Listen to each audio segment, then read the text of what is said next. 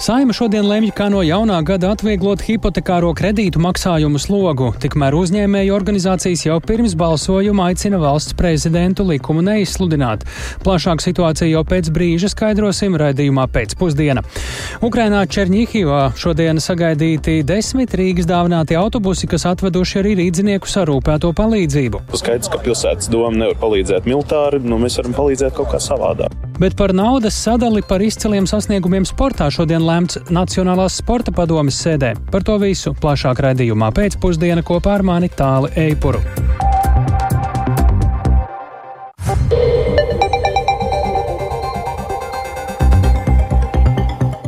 Pūkstens rāda 16,5 minūtes, skan pēcpusdienas ziņu programma, skaidrojot šodien svarīgus notikumus. Studijā tālāk Eipurs. Labdien!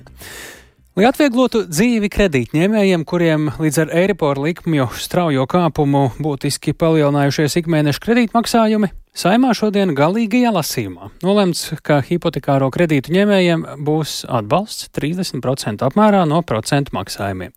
Lai šim atbalstam būtu finansiāls segums, bankām plānots noteikt pienākumu maksāt īpašu nodevu. Saimā lemtiem šodien sekoja līdzi kolēģi Zana Eniņa. Zana saki, kā tad deputātiem gāja ar šo grozījumu pieņemšanu? Es saprotu, gan ātri tas noticis. Jā, likumprojektu deputāti ļoti ātri pieņēma galīgajā lasījumā, gandrīz vai bez debatēm. Bija daži papildinoši priekšlikumi, piemēram, deputāts Artūrs Butāns no Nacionālās apvienības piedāvāja 30% kompensācijas vietā atgriezties pie sākotnējās idejas kredītņēmējiem kompensēt pusi no procentu maksājumiem, un paklausīsimies, kā viņš to argumentēja. Tā argumentācija par labu 30%, ko es sadzirdēju no kolēģiem, bija par to, ka tas būtu Eiropā aptuveni vidējais. Mēs sasniegtu vidēju atbalsta līmeni maksājuma ziņā, bet nu, paskatoties Eiropas centrālās bankas datus, mēs redzam, ka Latvija ir trīniekā starp banku likmēm. Mums ir dārgākās likmes un maksātspēja ir starp zemākajām Eiropas Savienībā. Ja? Tad dzīves dārdzība, produktu pakalpojumu cenas pret atalgojumu līmeni ir starp dārgākajām. Šo Artūra Butānu ierosinājumu atbalstīja arī viņa partijas biedrs Jānis Vitenbergs, kurš uh, arī rosināja atgriezties pie 50% kompensācijas pašreizējo trīs, un uh, pašreizējos 30% viņš salīdzināja ar neko. Atgādināms latviešu tautas pasaku par nemākulīgo kungu, kurš sākumā no dzelzs gabala gribēja izkalt lemesi, bet tas nesanāca tad kala cirvi, tad atkal nekas nesanāca. Neizdevās arī Nāzis un Īlens, un viss, ko beigās viņš izkala, bija čiks. Lūk, kā uz to atbildēja par grozījumiem atbildīgās budžeta un finanses komitejas priekšsēdētājs Jānis Reirs no jaunās vienotības. Jā, komisija izskatīja šo priekšlikumu, un šī čika vērtība ir 90 miljoni eiro, kas nākamgad nonāks mūsu tautsēmniecībā un uh, varbūt palīdzēs arī iegādāties daudzas pamatpreces tiem, kas tagad nevar atļauties to darīt. Tas bija Jānis Reirs. Vēl īsi atgādināšu, kā vispār radās doma, ka bankas ar likumu jāpiespiež uz pretim nākšanu kredītņēmējiem. Viss sākās ar to, ka Eiropas centrālā banka cīnoties pret inflāciju sāka celt procentu likmes, uzkāpa līdz ar to arī Eiribor likmes. Un, uh, no vienas puses šīs izmaiņas paaugstināja kredītmaksājumus arī agrāk ņemtajiem kredītiem ar mainīgu likmi, bet no otras ļoti pieauga arī banku pēļņa. Un citās valstīs, piemēram, Lietuvā, bankām tika noteikts solidaritātes nodoklis, uh, piespiežot bankas dalīties šajā virspeļņā. Ideja ieviest virspeļņas nodokli izskanēja arī Latvijā, bet bankas tai aktīvi pretojās. Tomēr likumdevējs nevēlējās atstāt situāciju bez risinājuma un nonāca līdz domai, ka jāatbalsta tieši kredītņēmēji. Sākumā bija jau pieminētais priekšlikums uz pusi samazināt kredītprocentu likmes uz gadu, ar tādu ārkārtīgi piņķerīgu atbalstāmo personu atlases kārtību, bet nu, tas transformējies līdz pienākumam bankām katram atbilstošajam uh, hipotekārā kredīta ņēmējuma aprēķināt uh, kredītu procentu kompensāciju 30% apmērā no procentu maksājumiem, ja kredīts ņemts ar mainīgu likmi, ja kredīta līgums noslēgts līdz šā gada ok oktobra beigām un ja tā atlikums nepārsniedz ceturdaļ miljonu eiro tāli. Jā. Nu, šobrīd, paskatoties uz šo visu, arī rodas jautājums, nu, tīri kā tas viss notiks. Kas tad galu galā būs tie, kas maksās eh, kompensācijas kredītņēmējiem, vai arī viņiem neviens neko nemaksās, viņiem vienkārši būs mazāk bankām jāmaksā, tas būs bankas pašas vai kāda iestāde? Nē, tur ir vesela tāda sarežģīta procedūra, un tur ir iesaistīts starpnieks. Proti, bankām nākamgad būs jāmaksā pagaidu nodevu par katru gada ceturksni. Tā būs pusprocenta apmērā no konkrētās bankas kopējā izsniegto hipotekāro kredītu atlikuma summas uz eh, šā gada 31. oktobri. Nodevu no bankām iekasēs valsts ieņēmuma dienests un ieskaidīs speciālā fondā, un pēc tam kredītņēmējiem maksās kompensācijas naudu iemaksājot, iespējams, tās pašas bankas kontā. Nu, šis vēl būs eh, šad un tad jāskaidro, kā tas notiks, lai cilvēkiem būtu skaidrs, vai tur kaut kur jāpiesakās, vai viss automātiski notiks un tā tālāk. Jā. Paldies Zanieniņai, tik tālu, un mēs eh, šobrīd pievēršamies šim tematam no cita leņķa. Proti, valsts prezidenta Edgara Rinkēviča neizsludināt šodien pieņemtos šos aprakstītos grozījumus mājokļa kredītņēmēju atbalstam aicina darba devēja konfederācija un Tirniecības un Rūpniecības kamera. Šīs abas organizācijas, kuras pārstāv pastāv. Tā skaitā arī Komercbankas norāda uz pieļautajām kļūdām šajā likumdošanas procesā un aicina likumdevēju un bankas risinājumu kopīgi meklēt eh, tādā veidā, kā tad maksājuma grūtībās nonākušiem hipotekāro kredītu ņēmējiem sniegt atbalstu, lai nebūtu negatīvas ietekmes uzņēmējdarbības vidē. Latvijas darba devēja konfederācijas prezidents Andris Bīta pie mūsu klausos. Labdien! Labdien! Īsumā, kas un kā no šādiem grozījumiem tad ciestu, īpaši jau jūsu pieminētajā uzņēmējdarbības vidē? Uh, nu, jautājums ir nevis tik daudz, kas ciestu, bet vai uh, šis risinājums uh, uh, atrisina tās sasāpējušās problēmas, kas ir banku sektoram. Uh, nu, banku sektorā izveidojušās situācija ar tautsājumniecības kreditēšanu. Nē, tas neatrisinās ne pa kapeiku. Viens. Otrs eh, esošais risinājums ir populistisks eh, piedāvājums eh, ar helikoptera naudu visiem, nevis tiem, kam reāli ir problēmas ar kredītmaksājumu sekšanu. Treškārt, tas rada šādi nu, diezgan populistiski gājieni, rada uh, greizu uh, vai vairo greizu priekšstatu par investīciju vidi Latvijā. Kādas būs pirmās Tā, sekas, ja stāsies spēkā un prezidents izsludinās šos grozījumus? Nē, nu, es teiktu tā, ka uh, ja mēs uzskatām un, un pieņemam, uh, ka, ka uh, banku sektorā nevēlēšanās kreditēt tautsēmniecību, tādā attīstīt Latvijas uzņēmumu šeit uz vietas, pārāk liela piesardzība šajā sfērā bija liela problēma, un, un, un mēs to akcentējām jau sen, un galīgi mēs neizstāvām banku sektoru šobrīd kā organizācija šī jautājumā, kad bija jāatrod risinājums, kā viņus nomotivēt sāk kreditēt ekonomiku aktīvāk, ar šādiem gājieniem iegūs pretēju efektu. Jo uh, paņemot no naudu un izdalot he helikoptera uh, teiksim, formā, ieskaitot arī man, saņemot personīgi kompensāciju, kur man nepienāktos, jo man nav šādi spiedīgi apstākļi, lai man kāds kompensētu kādu daļu, tautsājumniecības kreditēšana tikai pasliktinās. Mēs sakām, jā, problēma sistēmā ir, viņu vajag risināt, runāt ar bankām. Un bankus mēs motivējam runāt ar, ar valdību, bet veids, kā to dara, ir populistisks un greizs.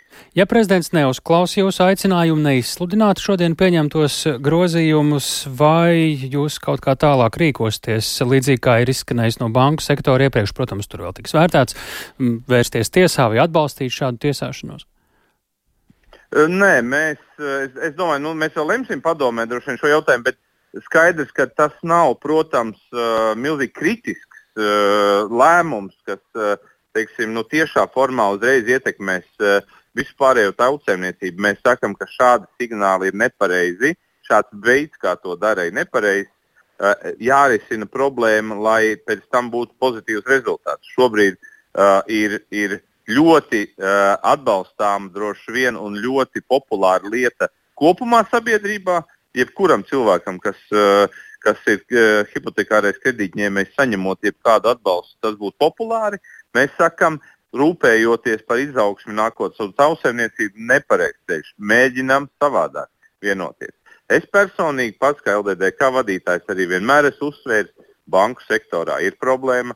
Ir problēma ar vēlmi kreditēt eksportējuši, strādājoši jaunus uzņēmumus, tam līdzīgi, bet tā ar šo metodi mēs to neatrisināsim, diemžēl. Paldies par sārunu. Andris Bīti, Latvijas darba devēja konfederācijas prezidents. Tātad šodien saima ir izlēmusi, ka hipotekāro kredītu ņēmējiem būtu jāsniedz atbalsts 30% apmērā no procentu maksājumiem, bet ne vairāk kā 2% punktu apmērā no periodam noteiktās procentu likmes. Bet uh, tagad no tā, kā valsts uh, mēģina palīdzēt iedzīvotājiem par to, kā iedzīvotājiem jānāk tālāk valstī. Valsts aizsardzības dienesta trešajā iesaukumā obligātā kārtā pavēstis varētu saņemt līdz pat 500 jauniešu, jo pieteikušies pārāk maz brīvprātīgo. Papildus atlase notiks 23. janvārī. Pēc nejaušības principa izvēlētie jaunieši pavēstis saņems deklarētajā adresē vai e-adresē portālā Latvija LV. Te jāpiebilst, ka obligātā kārtā iesauktos gaida mazāki labumi nekā brīvprātīgos. Šobrīd lūksim kolēģei Palai Dēvicai. Lūdzu, izstāst vairāk par šo 23. janvārī gaidāmo atlasi. Jā, labdien! Tātad, kāpēc vispār šāda atlase notiek? 1. decembrī noslēdzās brīvprātīgā pieteikšanās valsts aizsardzības dienestam un tika saņemti 515 pieteikumi un uh, pašlaik notiek to vērtēšana. Uh, tātad trešajā iesaukumā paredzēts uzņemt 480 jauno karavīru, un lai arī pieteikumu šobrīd ir vairāk, ir jārēķinās ar atbirumu, un ik reizi vidēji atkrīt 30 līdz 50% iesaucamo, un visbiežāk tas ir neatbilstoši veselības stāvokļa dēļ. Līdz ar to aizsardzības ministrija lēš, ka dienestam šobrīd uh, no, ši, no brīvprātīgajiem varētu atbilst 250 līdz 270 cilvēku cilvēku. Tas nozīmē, ka tā tad vismaz 200 cilvēku visticamāk vēl būs jāatrod, un tāpēc arī notiks šī atlase pēc nejaušības principa, kurā tad pavēstis visā Latvijā visticamāk saņems līdz pat 500 cilvēkiem, un jau atkal rēķinoties ar šo te atbirumu. Un par to, kā tad notiks atlase, vairāk jums pastāstīs valsts aizsardzības dienesta iesaukšanas plānošanas nodaļas vadītājs Kristers Grauza. Viena lielā puse ir iesaucamo sadalījumu pa administratīvām teritorijām. Šeit mēs par iesaucamo sadalījumu runājam par visiem tiem, kurus mēs būsim atlasījuši, kuri atbilst uh, visām sodāmības pārbaudēm, pirmotnējām veselības pārbaudēm. Ja.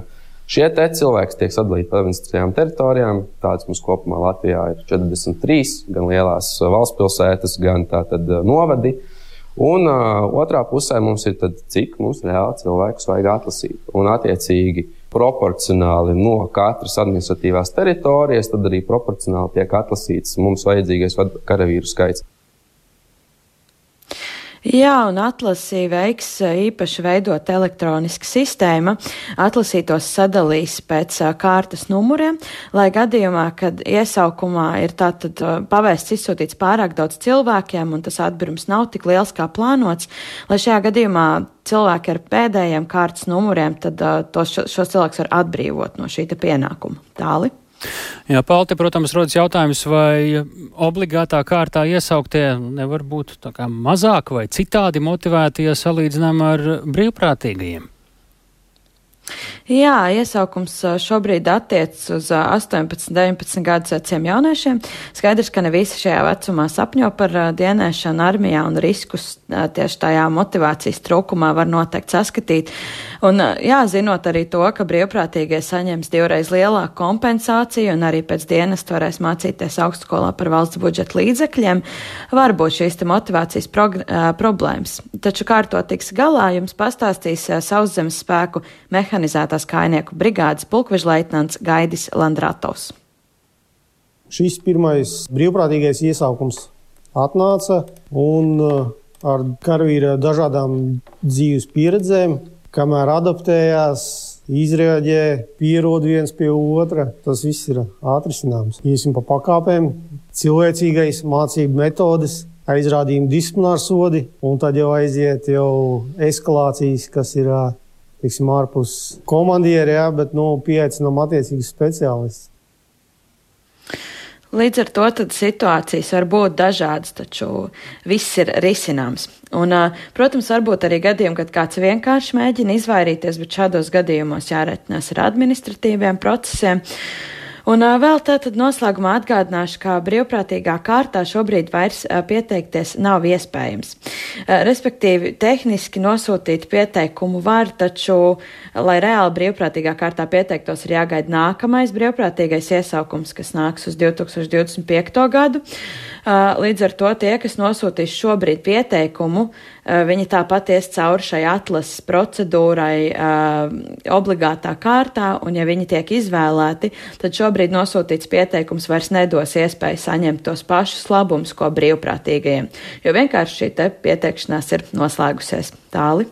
Paldies, tā Paula Dēvica par gaidāmo jauno trešo jau iesaukumu obligātā kārtā, nu jau valsts aizsardzības dienestā.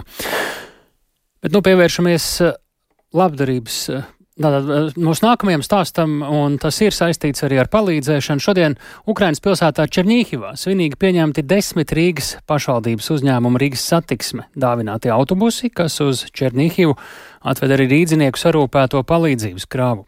Autobusu nodošanā šodien klāt bija arī Latvijas radio korespondente Ukrainā Indra Sprānce, un esam sazinājušies ar Indru tiešradē. Saki, kā Ukraiņi pieņēma šo dāvinājumu? Labdien, jā, ļoti priecīgi un pateicīgi Ukraiņi bija gan par dāvinātajiem autobusiem un saziedoto palīdzību, gan arī kopumā Latvijai par tās atbalstu Černīhivas apgabalam. Un uh, autobusu svinīgā pieņemšana notika Černīhivas pilsētas centrālajā laukumā, tieši pretī dramatiskajam teātrim, kurš nesen augustā tika smagi izpostīts raķešu uzbrukumā. Todien nogalināja septiņus cilvēkus, bet 208 tika ievainoti. Un šodien šajā laukumā līdzās Ukraiņu karogam plīvoja arī Latvijas valsts karogs, un laukumā bija izvietot arī visi Latvijas uzdāvinātie autobusi, nu gandrīz visi, lai arī kopumā ceļā uz Ukrainu izbrauca desmit autobusi. Viens tomēr pa ceļam uz Čerņīgivu Ukrainā jau salūza, tas šobrīd tiek remontēts, līdz ar to šodien svinīgajā pieņemšanā bija redzami deviņi Rīgas satiksmes autobusi, taču arī desmit tos attaisīs un viņi visi turpmāk kalpos Ukraiņu vajadzībām. Un Čerņīhivas amatpersonas par to ir patiešām ļoti pateicīgs. Paklausamies Čerņīhivas pilsētas vadītāja pienākumu izpildītāja Oleksandra Lomako šodien sacīto.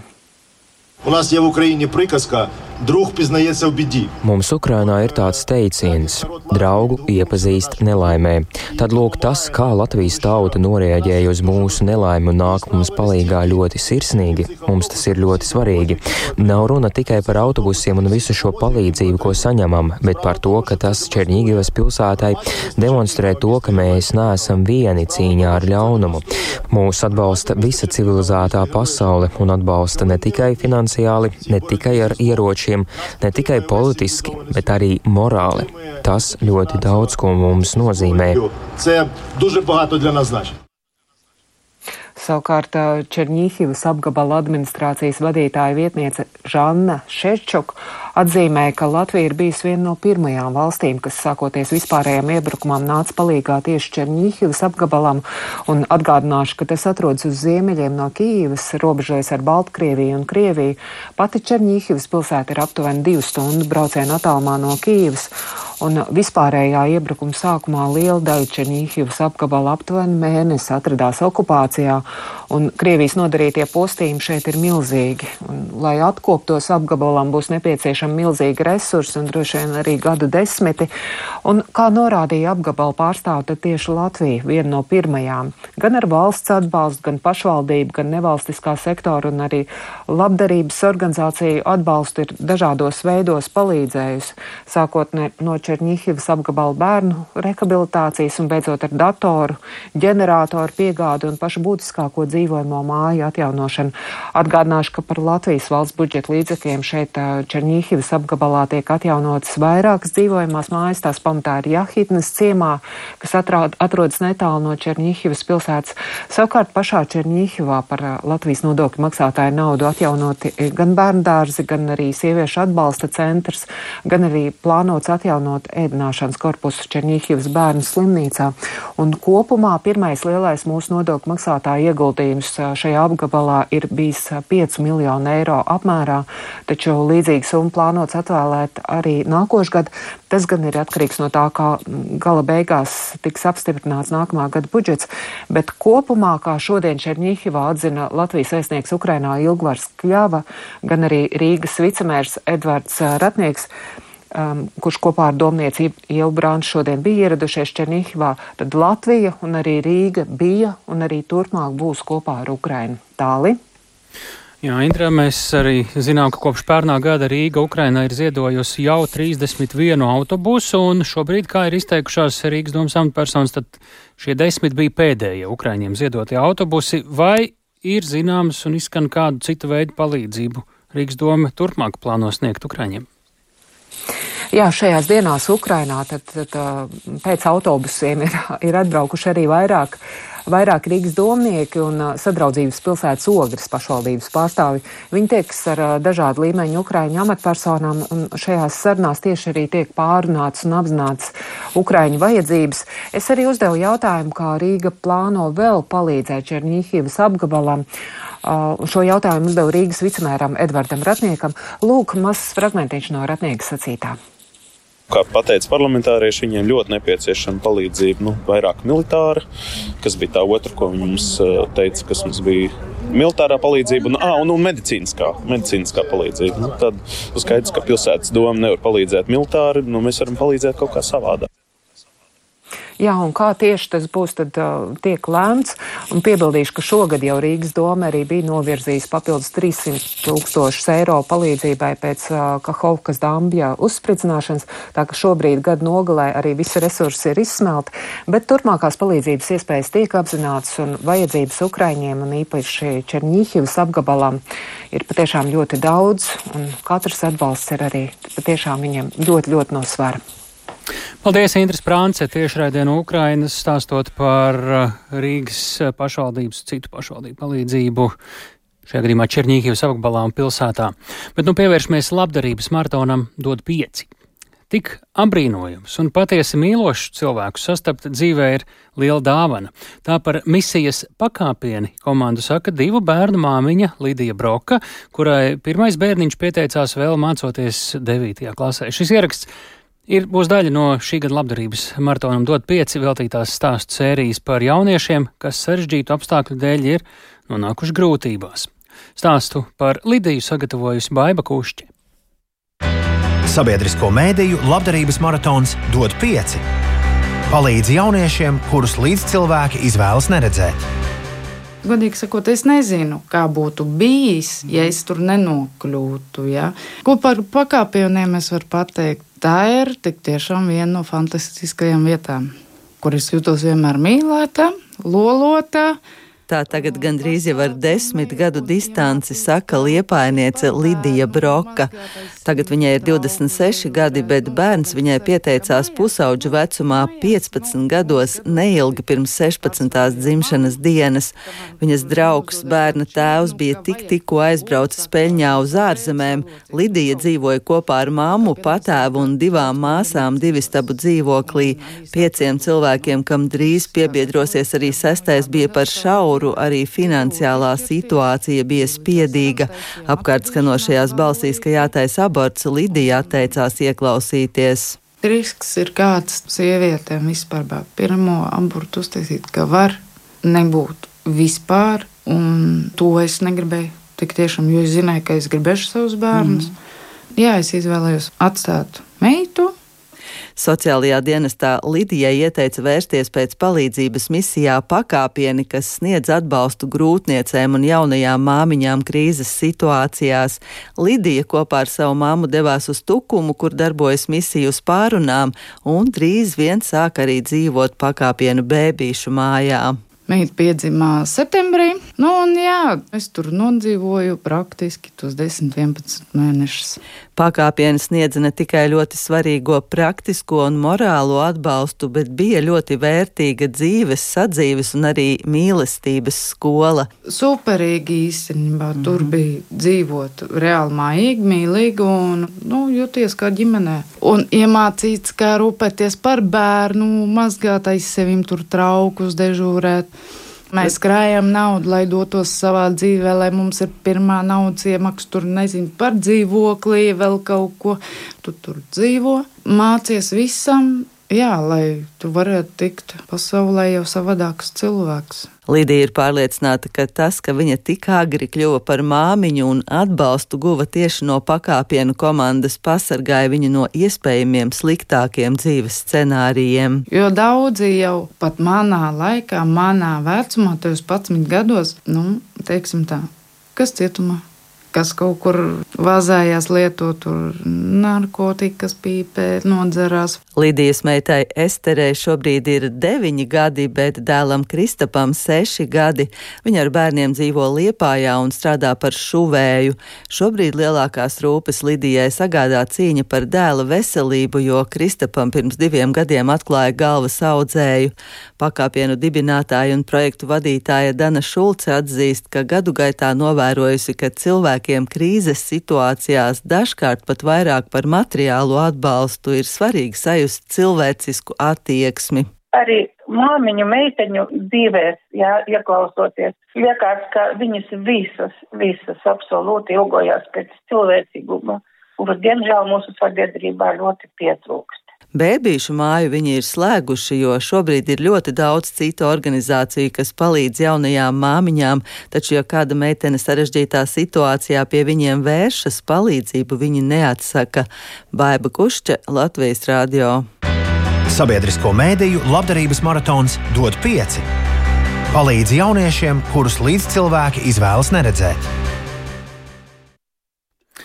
Rīgas centrālās stacijas laukumu ir pārņēmušas žurkas. Lielu rezonanci radījis video, kurā pie atkrituma tvērtnes ložņā vismaz desmit grauzēju. Par nepieņemamu situāciju nosaukusi veselības inspekcija, kas to pārunās ar teritorijas saimnieku. Ko par žurkām saka Tirzniecības centrs Origo un vai ir pamats bažām par stācijas laukuma apkārtnes ēdinātāju pakalpojumu kvalitāti? Klausāmies Viktora Demīdova reportāžā.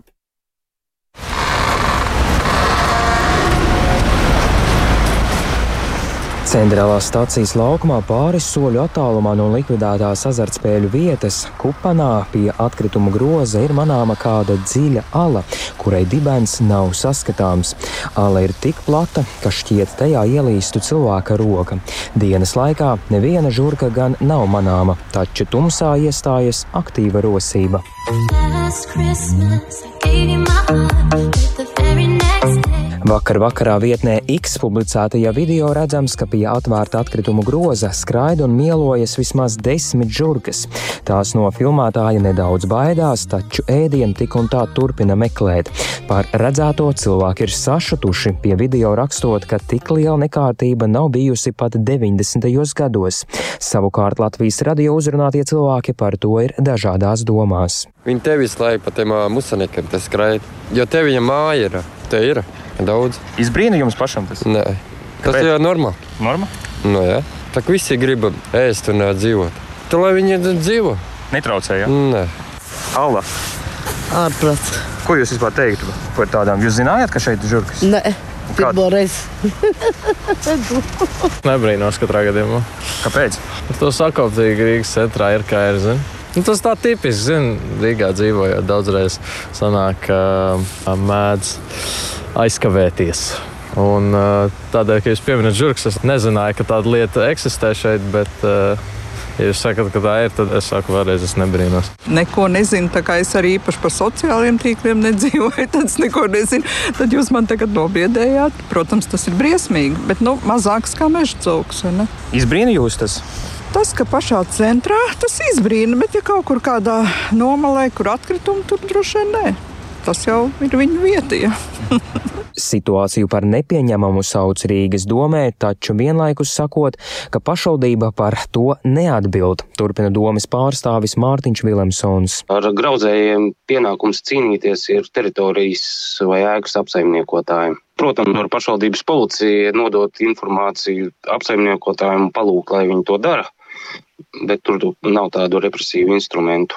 Un nevar jau teikt, ka šajā gadījumā šīs teritorijas apsaimniekotājs būtu vainīgs, jo žurkas uh, var mierīgi atnākt no kāda blakus objekta.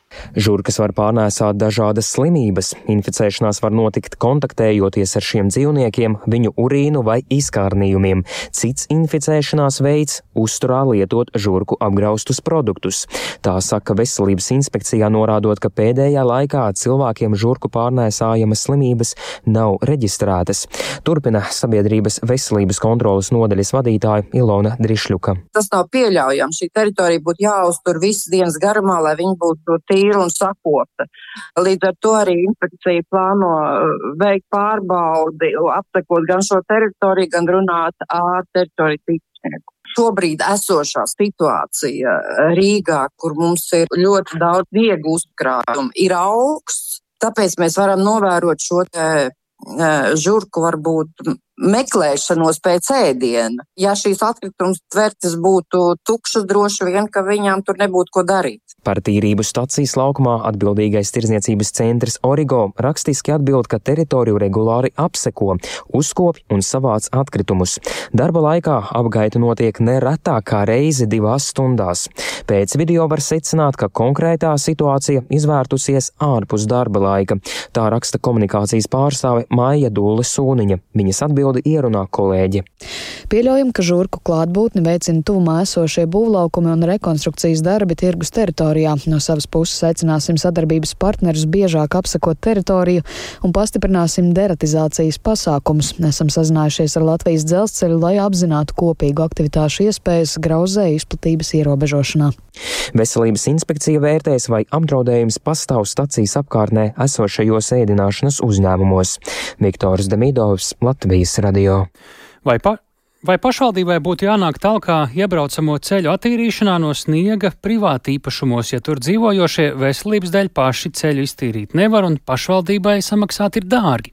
Kolēģi Ieva Puķa devās uz pierīgā esošo ropažu novadu, kur vairākās laukumājās joprojām jādzīvo sniega krīzē. Ropažu novada podkāja ciems, kur lauku mājās Valtersalā smīt mējeru ģimene, tic skaistā biezā sniegā. Pašvaldības ceļš ir notīrīts, taču mamma Agnese, kurai ar auto jādodas uz darbu Rīgā, katru rītu bažīgi skatās pa logu, vai nav snidzis vēl. 300-400 metru garo iebraucamo ceļu pašvaldība netīra. Kaut arī šajās mājās ir pirmās grupas invalīds, kurš ar ratiņiem pa sniegu līdz auto aizbraukt nevarēs, ja tas būs novietots lielā ceļa malā. Te mīt 83-gadīga vecmāmiņa un 6 gadus vecs bērns, kuru mamma Agnes pa ceļam ved uz skolu robežos. Pēteris sēzdams brokastu putru stāsta. Vakar mēs eh, teicām, nu, zvanījām Un viņš teica, ka šodien izšķūrēs. Bet vakar. Jā. Un neviens nebija. Agnēs tikko ir pārcietusi operāciju un pat nevar izrakt mašīnu, ja tā iestiktu. Pirms divām dienām tas notika. Turklāt ceļa šķūrētājs, ko finansē pašvaldība, vēl māju iebrauktuvēm mēdz aizdzīt priekšā valni. Agnese stāsta, ka problēmas bijušas jau pagājušajā gadā, kad sētā iebraukt vispār nebija iespējams. Pašvaldības darbinieki viņai likuši zvanīt kapitāla sabiedrībai, kas sniedz tehnisko palīdzību šādos gadījumos. Pašvaldība man aizsūtīja pie vilkmes. Vilkme teica, ka viņi šādu pakalpojumu nesniedz, kaut gan katru gadu bija tīrījuši. Tad es zvanīju visādiem privātiem, neviens netīrīja. Nu, acīm redzot, bija aizsniedzis tik daudz, ka visi bija visu laiku noslogoti. Tad es atkal zvanīju uz pašvaldību, tad es sazvanīju cilvēku, kurš man iedeva gara kalnes, nezinu, kā tajā brīdī saucās, bet pārvaldnieku, un tad pārvaldnieks vienkārši, acīm redzot, pēc savas iniciatīvas atsūtīja traktoristu, kurš te iztīrīja. Bet tā bija ņemšanās divu dienu garumā.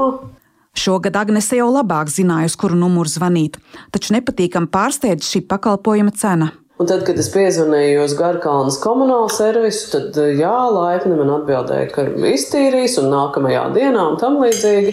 Bet eh, tad viņi man prasīja, kurš būs maksātājs, vai juridiska persona vai privāta persona. Es teicu, ka es esmu privāta persona un vaicāju, cik tas maksā. Un man paziņoja 40 eiro stundā plus degviela. Un, ja mēs no Garkalnas dzīvojam 18 km, tad nu, jārēķina pašiem, cik tas izmaksā degvielai traktoram. Principā tā summa ir ļoti liela. Un es nevaru tādu samaksāt. Un īpaši, ja tā tīrīšana ir nepieciešama vairākas reizes sezonā. Agnes vīrs vērsies sociālajā dienestā. Nu, tur arī tā kā teica, ka īsti nē, lai zvanot Blausa kungam. Un mans vīrs piezvanīja. Kas ir Blausa kungs? No acīm redzot, atbildīgais ah. par šiem ropažiem, Jā. kurš atbild par šo tehniku. Viņš solīja, ka tad, kad tīrīs lielo ceļu, tad iebrauks pie mums. Un tas bija pirms divām dienām. Viņš solīja nākamajā dienā. Nu, tā tad vakar vajadzēja kādam būt. Pašlaik Agnese no mājas izkļūst pa sniegā iebrauktajām sliedēm, taču uztraucas, kas notiks sākoties atkusnim, un tad, ja būs atkārtot snikšana. Arī kaimiņos Kalniņu mājās mīt vīrietis, kurš ir pārcietis insultu, un viņa mamma, kam ir pāri 80.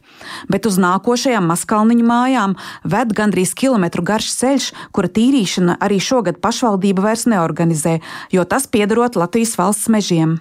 Maskalniņos dzīvojošā Anna Siljāna, kas ir mediķa Rīgā ģimenes ārsta praksē un arī tepat robežu pansionātā, notiekošo uzskata par netaisnību joprojām vēl strādāju, maksāju nodokļus un maksāju nekustamā īpašumu un tādus visus, jā. Un uh, pagastā esmu, esmu deklarēta, tā kā pagasts no manis gūst ienākumus, bet atpakaļ atdeve nu, praktiski nekādi. Novada domas sabiedrisko attiecību nodaļas vadītāja Ines Krastiņa gan telefonsarunā apgalvo, ka vismaz iesnigušajai mējeru ģimenei palīdzība jau esot sniegta. Varu tikai pateikt to, ka no pašvaldības puses mēs esam izdarījuši visu, ko mēs varam, un esam arī Agnesē snieguši visu informāciju kad tomēr lūdzu sīkākus skaidrojumus, jo sniega tīrīšana mēra iebraucamajā ceļā nav notikusi, tieku nosūtīta pie sociālā dienesta vadītājas Rutas Lēšavnieces. Viņa atzīst, ka mēra ģimenei būtu jāpalīdz, tomēr pašlaik tas nesot iespējams. Mēs tā vienkārši nedrīkstam tur iebraukt un izšķirēt ceļu, jo. Uh, Nedrīkstat palīdzēt cilvēkiem? Tā tas nav. Ziniet, kādēļ? Tādēļ, ka ir privāti īpašumi, kuriem ir neaizskaramība, un pašvaldība nevar iedomāties nopļaut manu zāli, varbūt man tur auga aizsargājami augi, jo es redzu, ka tur ir aizaudzis. Šeit ir Bet, ja Agnese ir jums lūgusi palīdzību, tik un tā jūs nedrīkstat iebraukt Jā. un iztīrīt. Jā, Nedr mēs drīkstam, mēs piedāvājam to, kas ir atļauts. Mēs viņai iedodam kontaktus, kā viņa, drīk, kā viņa var atrisināt problēmu. Tikai sazvanot pašvaldības izpildu direktoru Maksimu Griščenko, tiek solīts situāciju risināt ar pašvaldības apmaksāto ceļa tīrīšanas ārpakalpojumu sniedzēju palīdzību. Ar pašvaldības aģentūru saimnieks vai Garkalns komunālu servisu bet Latvijas pašvaldības savienībā skaidro, ka šī esot iekšēja problēma, ar kuru jātiek galā pašai pašvaldībai. Ieva Puķa, Latvijas radio. Par naudu, par izciliem sasniegumiem sportā un par to, ka konceptuāli atbalstāma Nacionālā futbola stadiona iekļaušana sporta politikas attīstības plānā šodien sprieda Nacionālā sporta padome, un tam līdzi sekojas arī kolēģis Lotārs Zariņš. Lotārs daudz ir diskutēts par Nacionālā futbola stadiona būvniecību, vai šodien par to ir lielāka skaidrība? Jā, sveiks, tālu un sveiki klausītāji. Jā, nu vismaz šī ideja ir pasvītrot ar traknāku līniju, un šodien Nacionālā sporta padomu sēdē tika atbalstīta iecer iekļaut Nacionālo futbola stadionu sporta politikas rīcības plānā, un vairāk par to stāsta saimnes sporta apakškomisijas vadītājs Dāvis Mārtiņš Daugavietis. Nacionālās sporta padomas vadītāja premjerministra Evika Siliņa teica, šobrīd nu, stadionu ir runāts dažādos līmeņos, bet politiskā līmenī nekur viņš tomēr tā arī nebija parādījies. Nu, šis ir tāds pirmais grūdienis arī no politiskās vidas, kur Nacionālā sporta padoma atzina visi vienbalsīgi, ka šāds stadions mums ir nepieciešams. Protams, vēl nu, priekšā ir gan diskusijas par to, cik liela daļa valsts finansējums, cik liela daļa FA, LFF, bet nu, šis ir tāds pirmais apstiprinājums, kur konceptuāli piekritam, ka politiski mēs arī atzīstam to, ka nu, stadions stadions ir viens no mūsu nākotnes mērķiem. Šo ideju eh, komentēja Saimnes sporta apakškomisijas vadītājs Dārzs Mārtiņš Daugvietis. Jā, Lotār, nu, mēs zinām, ka ir spriests arī par jauno sporta federāciju atbalsta mehānismu. Kāds tas būs? Nu, kā zināms, no nākamā gada būs izmaiņas naudas pārdalē sportā Latvijā. Proti, uzņemsies eh, tikai izglītības un zinātnes ministrija, un eh, prioritāro federāciju skaitu no 20 organizācijām plānot samazināt līdz 15. Un vairāk par to, kādu atbalstu šī iecer go, arī šodien Nacionālā sporta padoma sēdē arī stāsta Dāvis Mārtiņš Daugavietis. Šobrīd arī Nacionālā sporta padoma piekrīt, ka mēs virzamies uz šiem 15 sporta veidiem, ko mēs atbalstīsim. Nu, varam saukt to arī par prioritāru atbalstīšanu. Un kā galvenais kritērijs, lai federācijas saņemtu šo atbalstu, būs bērnu skaits un masveidība. Mainīti tie uzsvari, kā mēs viņu piešķiram. Mēs ejam projām no tā, ka mēs atbalstam visus mazliet, bet mēs tomēr kā valsts nosakam, kas ir mūsu prioritātes. Jo nu, Nacionālā sporta padomas sēdē izskanēja tas, ka nu, mēs valsts vispār sporta pamatnos nostādēs esam uzlikuši, ka mūsu prioritāte ir veselīga sabiedrība, ka mūsu prioritāte ir bērnu un jauniešu un tautas sports. Tad nu, šis beidzot tāds viens no tiem lēmumiem, kas arī virzās uz tajā, ka reāli ne tikai vārdos, bet arī ar darbiem mēs darām to, ko mēs esam pateikuši. Nu, komentēja eh, da, Mārtiņš Dogvietis. Dažas federācijas, protams, ir neapmierinātas, ka finansējums būs zemāks, bet, kā norādīja Dogvietis, tad pirmajās desmit federācijas, kas saņem lielāko valsts finansējumu, arī nosedz 80% no visiem aktīviem sportistiem un arī bērniem un jauniešiem, kas tad ir viena no galvenajām prioritātēm. Paldies, Tālotārs Zariņš! Paldies, ka klausījāties arī Ziņu raidījumu pēcpusdienā to veidoja Tāls Eipurs, Ilza Aginta, arī Ulds Grimbergs un Mārtiņš Paeglis. Mēs tiekamies kā katru darbu dienu, tā skaitā arī rīt pēc ziņām 4 un 5. Ja vēlties šo raidījumu dzirdēt sev izdevīgā laikā Latvijas radio mobilā lietotne.